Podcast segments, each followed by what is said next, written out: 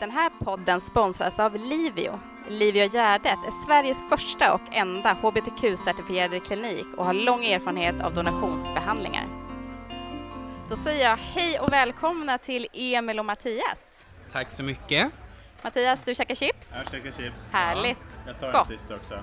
Gör det. Ja. Eh, vi sitter här i regnbågsfamiljens tält på Pride Park eh, och idag ska vi prata lite om adoption och föräldraskap. Mm. Vi har ju tidigare spelat in en podd om adoption med er eh, och när er familj blev tre istället för två. Eh, hur har det varit sedan dess? Det har varit en eh, spännande tid kan man ju lugnt säga. Eh, vi har ju fått eh, uppleva ett nytt liv. Man har ju fått prioritera om och förändra sin vardag totalt. Men det har ju varit helt magiskt varenda dag också. Verkligen. Det känns lite som nu faktiskt eh, i samband med den här semestern som vi hade precis i sommar. Att det är nu man börjar, börjar landa lite. Det blir vi lite mer bekväm i föräldrarollen. Eh, inte lika mycket eh, inte lika mycket smått som det var tidigare när Elliot var mindre. Sara Larsson undrar vad det lättaste med att vara gayförälder? Lättaste? Alltså det har ju varit väldigt lätt att vi inte har behövt gå igenom en graviditet. Ja, det måste Det jag var liksom säga. 12 dagar så Ja. blev vi föräldrar. Det måste vi säga, det, det är få som slår det. Eh, att få reda på att man får barn och så 12 dagar senare så kommer barnet och du slipper alla smärtor, slipper alla kontroller, slipper allt sånt. Eh, ja, det, är väl det lättaste. Ja, men och sen att båda har liksom kunnat vara, båda kunnat ge mat, båda kunnat göra lika mycket så att det inte varit uppknuten till en som jag kan tänka mig att det kan kännas ibland eh, som kvinna. Och eh, så redan från början när, när vi blev föräldrar så har, så har vi ju kunnat liksom faktiskt få ge varandra lite egen tid och gå och träna och göra sådana saker som vi mår bra utan. Det, det kanske är positivt att vara gayförälder. Eller inte ha varit gravid. Hur har det varit med sömnen då? Vi har haft ja. lyx. Alltså. Elliot har ju sovit från första början. Han, eh, alltså i början så sov han sov typ till fem på morgonen och då vaknade han lite snabbt och sen så somnade han om. Men alltså idag, han, sover 12 timmar varje natt och han är väldigt anpassningsbar. Vi älskar ju att resa väldigt mycket. Och det spelar ingen roll vart vi är, han liksom somnar när det är dags, sover hela natten. Så vi har ju inte upplevt det här eh, som de flesta föräldrar berättar för oss att men, det är jobbigt och att man inte får sova sånt. Så att, eh, vi är väldigt tacksamma för det. Tack Jo, Elliot. men det är vi. Och sen eh, delvis utav det i början så kan det ju vara att, att han har ju ätit ersättning. Så att han har också varit, fått den mat han har behövt och kunnat sova bra på det också på nätterna.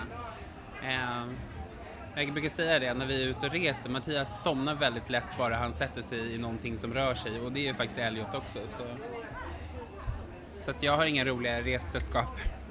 Sen har det varit väldigt lätt. Han somnar, han somnar på tågen, somnar på flygen. Mm. En A-bebis som vi En- brukar säga. Ja, det måste man säga. Eh, Än så länge. än så Vi länge. får igen det i tonåren, Ja. det har folk sagt. Jag tror också det. eh, är det som det har tänkt sig då att vara förälder? Jag måste Bättre. säga att jag hade svårt att föreställa mig känslan innan man blev förälder men, men eh, jag skulle säga att det är det, det går inte att föreställa sig hur det är att bli förälder för det är någonstans en obeskrivlig känsla och det är fantastiskt på väldigt många sätt. Eh, men det är också en väldigt stor omställning och jag tror vi hade så många år vi ville ha barn och funderade på hur vi skulle få barn och pratade igenom med barn om barn väldigt mycket. Så vi hade ju pratat väldigt mycket om uppfostran, hur vi ville ha livet, vad vi ville göra med barn. Så att vi hade nog en ganska tydlig bild och det har nog varit ganska viktigt för vi har kunnat leva efter den bilden upplever jag på väldigt många sätt. Sen har man ju kanske fått dra ner ambitionerna. Är man ute och reser kanske man inte gör lika mycket saker utan man är väldigt eh, lyhörd för hur Elliot mår för dagen, vad man hittar på, vad man känner för och så vidare. Men Mm. Hur har ni mötts av de andra, liksom era bögkompisar då? Att ni plötsligt blir föräldrar på 12 dagar? Men i början var det nog en liten omställning mot de vi umgicks med väldigt nära. Eh, men jag tycker de har tagit det väldigt bra och anpassat sig och vi har fortfarande kontakt med, med alla. Det är inte li- bara att man in, det kanske inte är lika mycket fest längre. Men jag sa det till Emil, det är ändå positivt. Under Pride så blev jag inbjuden till ganska många fester. Men det blir så här, man får ju tyvärr tacka nej då till 90 procent. Men eh, det betyder ju ändå att folk fortfarande tänker på en och vill, vill ha kvar en.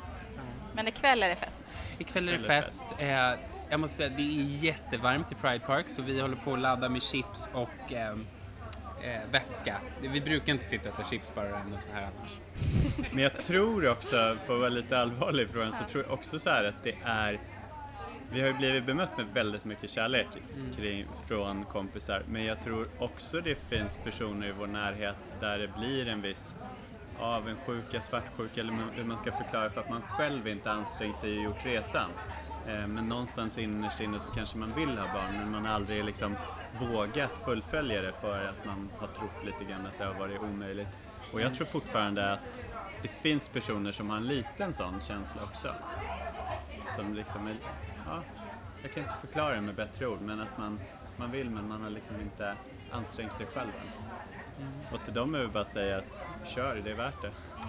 Vi pratade ju också om eh, vår förra podd, det här med vad som är skillnad om man är pappor och är föräldraledig med ett litet spädbarn. Och du nämnde, eller om det var, jag tror att det var du Emil, att så här, när man kommer i köpcentrum så ska man gå in på, på tjejtoan för att byta blöjor, för det är där som skötborden är och sådär. Eh, är det några mer sådana saker som ni har upptäckt med att vara två gaypappor? Nej, nej, det tror jag inte. Inte något sånt rent konkret. Men jag tänkte, det där var ju som jag berättade när Elliot var mindre. När han var mer spädbarn. Och då är det väl kanske så att fler kvinnor är lediga när barnet är mindre.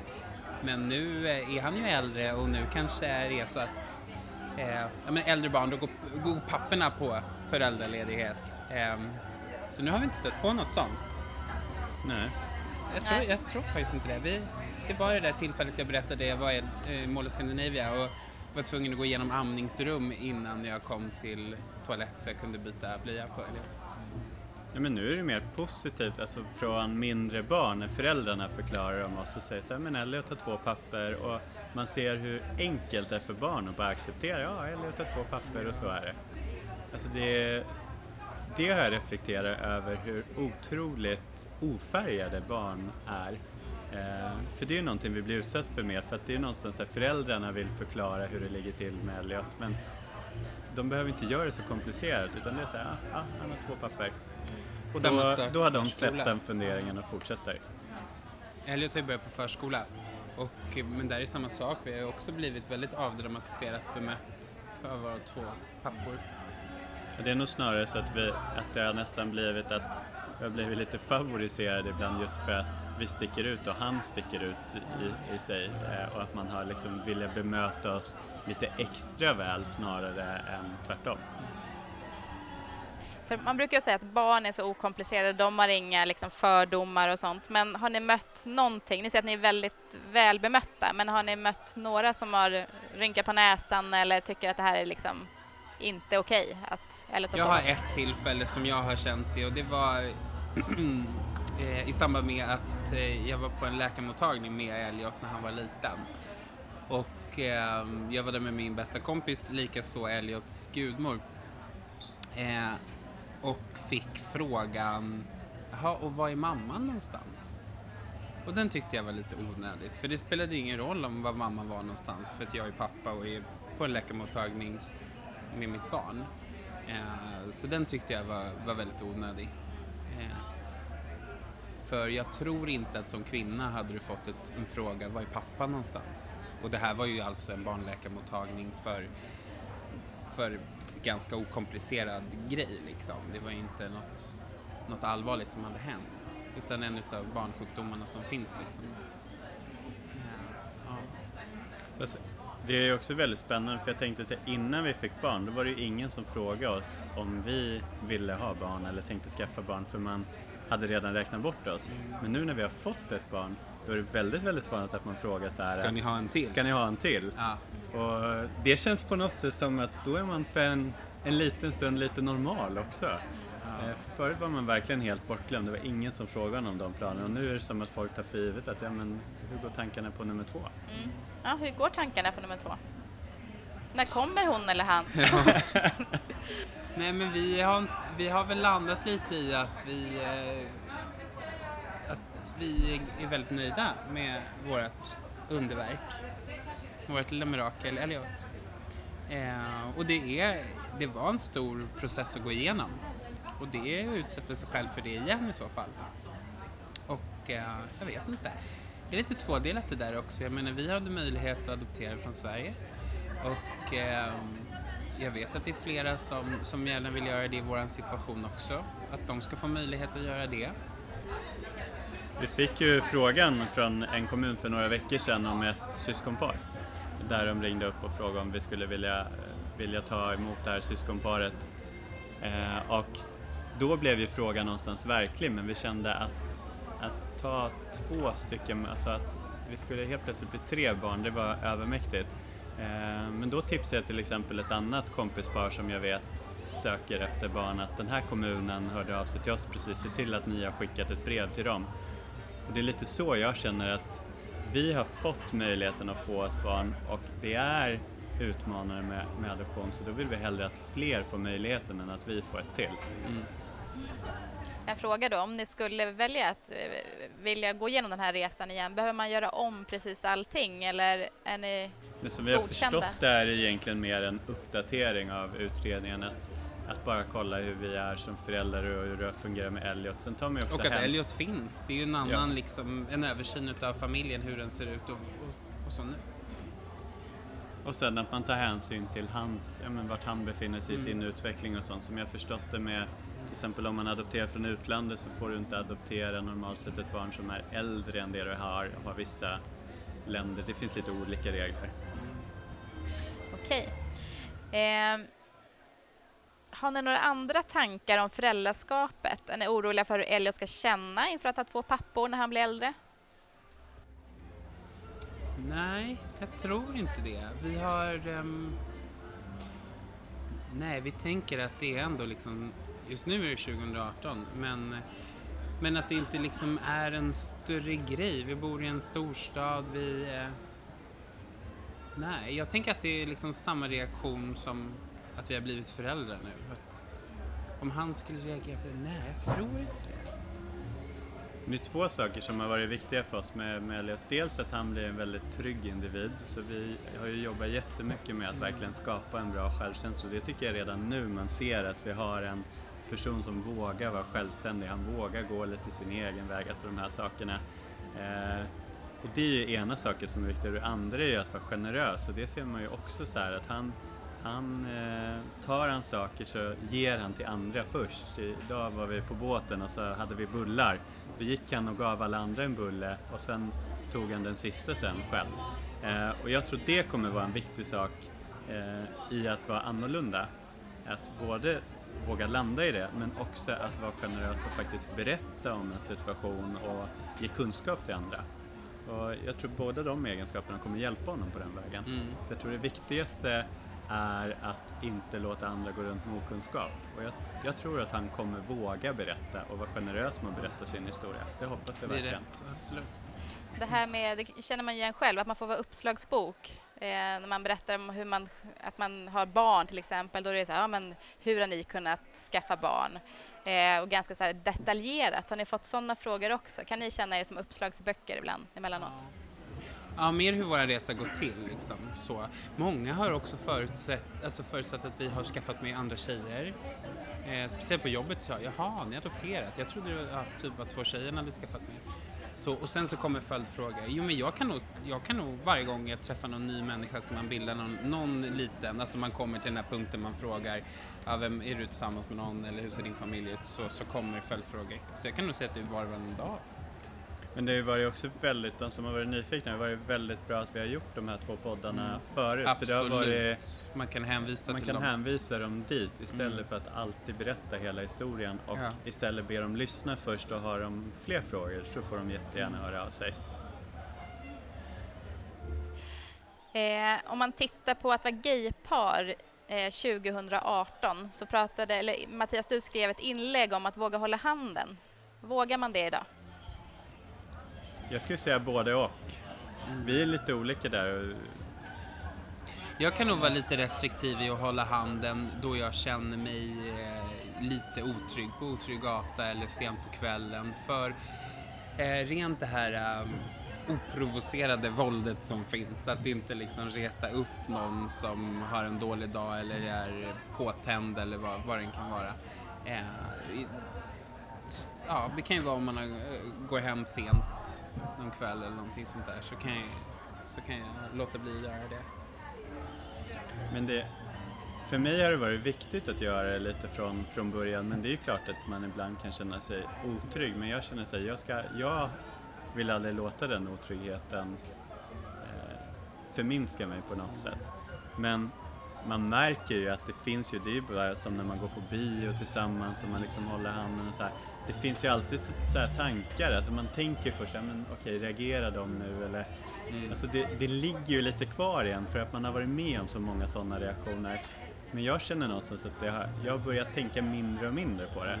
Och mer och mer på att verkligen våga vara som alla andra. För jag menar om inte vi gör det så vem, då kommer inte alla andra våga. Vi måste ju vara några som hela tiden gör och visar att okej, ju fler vi är som gör det desto mer okej kommer det bli. Har ni tänkt någonting på när det är Elliot med er, att det blir annorlunda då? Nej, jag har inte tänkt att det blir annorlunda så faktiskt. Ja. Nej. Men jag tror med Elliot, det är ju, jag tror inte alla ser familjekonstellationen direkt utan det kan ju vara liksom två kompisar som är ute och går. Ibland är vi med andra kompisar och då tror de att någon är mamma därifrån. Och, så jag tror inte man, det blir inte lika tydligt Nej. att det är liksom vi och han. Nej. Om man tittar på hur det ser ut i världen då, så är det bara tio länder i världen som accepterar er familjekonstellation, eller er som par dessutom. Eh, hur känns det och vad tänker ni kring det? Tack gode gud att man är född i Sverige. Typ. Nej, men jag, jag tror verkligen det är, så många, det är så många av ens kompisar, så många man känner som tar för givet att det är så enkelt för oss idag. Och det är på många sätt väldigt enkelt för vi är, vi är födda, jag läste att Sverige är det minst religiösa landet i världen, Sverige är det minst traditionsbundna landet i världen. Vi är ju ett väldigt nytänkande, väldigt öppet land. Och det ska vi vara väldigt tacksamma för, men det ska vi också nyttja till att Mm. vara förebilder för de andra länderna. Så jag tycker att det är där vi ska liksom fokusera nu på att fortsätta göra alla de här bra sakerna vi gör och bara låta det sprida sig till andra och låta det synas utanför. Men sen är det ju skrämmande att jag såg någon som la upp röstsiffror för man, hur många man trodde skulle rösta på SD och skrev att 28% kommer nog rösta på SD i år. Och de har ju ändå i sitt partiprogram till exempel att inte vi skulle få adoptera. Eh, så om nästan en tredjedel av Sverige helt plötsligt börjar tänka nu att det är inte längre okej så är det ju självklart det känns lite skrämmande. För det känns som att vi, vi har kommit till en väldigt, väldigt bra punkt men det känns också som vi är i ett litet så här vakuum att det kan vara så att utvecklingen vänder här och går tillbaka. Och det känns skrämmande. Om man tänker på Pride då och varför Pride finns, är det många som säger så här, äh, 2018, det behövs inte. Det är, varför ska det vi ha det? det, du sa en väldigt klok sak i samband med det. det med, ja, men det kanske man kan tänka på vissa, vissa delar av Pride i Sverige inte behövs på samma sätt längre. Att det har blivit kommersiellt och allting så. Men du säger också väldigt bra att ja, men, kanske inte behöver för Sverige, men andra länder behöver att Sverige har det. För att visa upp liksom att man vågar och, och vad som är, ja men hur det är att vara homosexuell och hela HBTQ. Men sen tror jag lite som också, om du nyligen har kommit ut eller på väg ut så blir det så att vara på Pride är att komma in i en fristad. För att här är det så många, många fler som, som är annorlunda inom situationstecken så att det är helt okej att vara precis den där. Så att jag tror att det här är så här en viktig, trygg miljö för att kanske våga ta steget fullt ut och känna sig trygg i det. Och sen tror jag också det är viktigt att har man aldrig gått i Pride-paraden eller sett Pride-paraden live, hela paraden, så ska man se till att göra det. För det som syns på TV är oftast bara en liten, liten del av Pride-paraden och det är ju oftast det som är väldigt utstickande på olika sätt för det är det som säljer. Men Pride-paraden består ju av väldigt, väldigt mycket olika människor. Eh, vissa som sticker ut jättemycket, andra som kanske inte sticker ut alls. Men jag tror bara så här att gå Pride-paraden någon gång eller se till att se hela Pride-paraden för att förstå hur många det egentligen handlar om och att det är en person precis som du och jag som går där. Hur länge har ni själva gått på Pride då? Vilket år är det här? Här är vi en erfaren. Ja. Du kan tänka först, kan jag tänka. Men jag kommer inte ihåg, jag kommer inte ihåg första gången jag gick på Pride. Jag är ju inte från Stockholm så att eh, det måste ha varit någon gång när jag flyttade ner. 12 det år sedan kanske? Ja, det kanske är 10. Alltså, ja, 8, 10 Pride. Jag vet du, vi har varit bortresta några år. Men du har ju gått på Pride första gången 2000 sa du 2000 ja. ja. men jag tänker totala Pride när man har varit man har ju, Några somrar har man varit bortrest. Ja. Mattias, du kommer från en liten stad, eh, Kiruna. Hur var det att växa upp där och vara gay?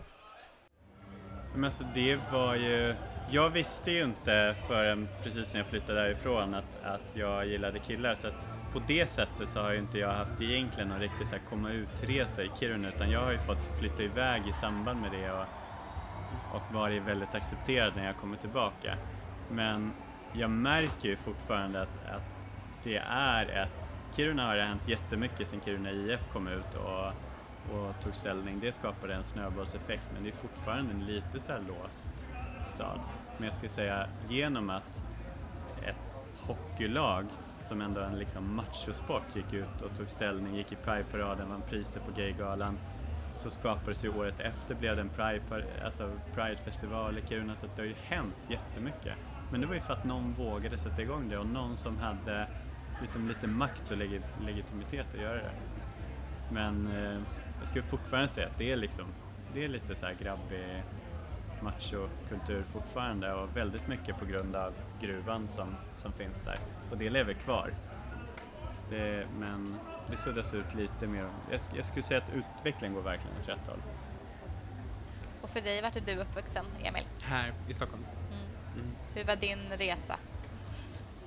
Men jag tror att jag har haft det ganska enkelt eftersom jag har haft den tillgången till att, att gå ut ganska tidigt på gayklubbar och, eh, och vänner och så. Jag hade ganska tidigt en tjejkompis, vi kom ut för varandra och vi ja, men gick ut väldigt mycket i klubbvärlden.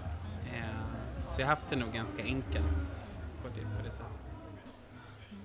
Om vi går tillbaka till föräldraskapet då. Ge oss lite tips, era bästa pappatips.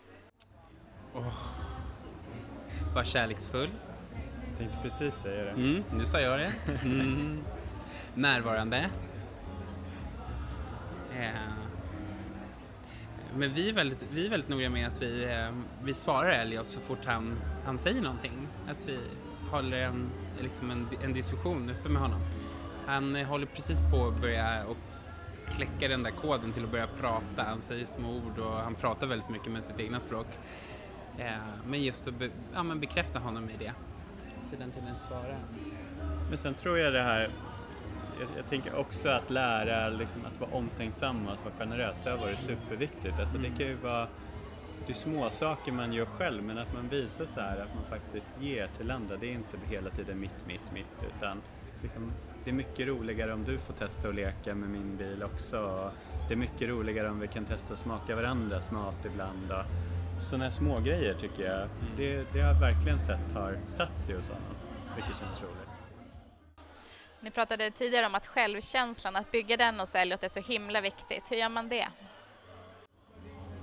Men det tror jag mycket av de två första grejerna med kärlek och, och närvaro, men att, att verkligen finnas där. Och sen, det vi har haft verkligen förmånen, det är ju att ha ett väldigt fint nätverk runt omkring oss med personer som har kommit att betyda väldigt, väldigt mycket för Elliot tidigt och inte bara en utan flera personer så jag tror att han känner verkligen att det är, det är många fler än oss som älskar honom och det tror jag har varit en viktig grej. Mm. Jag lämnade ju honom idag hos hans eh, eh, farmor innan vi åkte hit och han, liksom, han bara vinkade hej då. Han brydde sig liksom inte desto mer. Han vet att vi kommer tillbaka, han känner sig trygg där.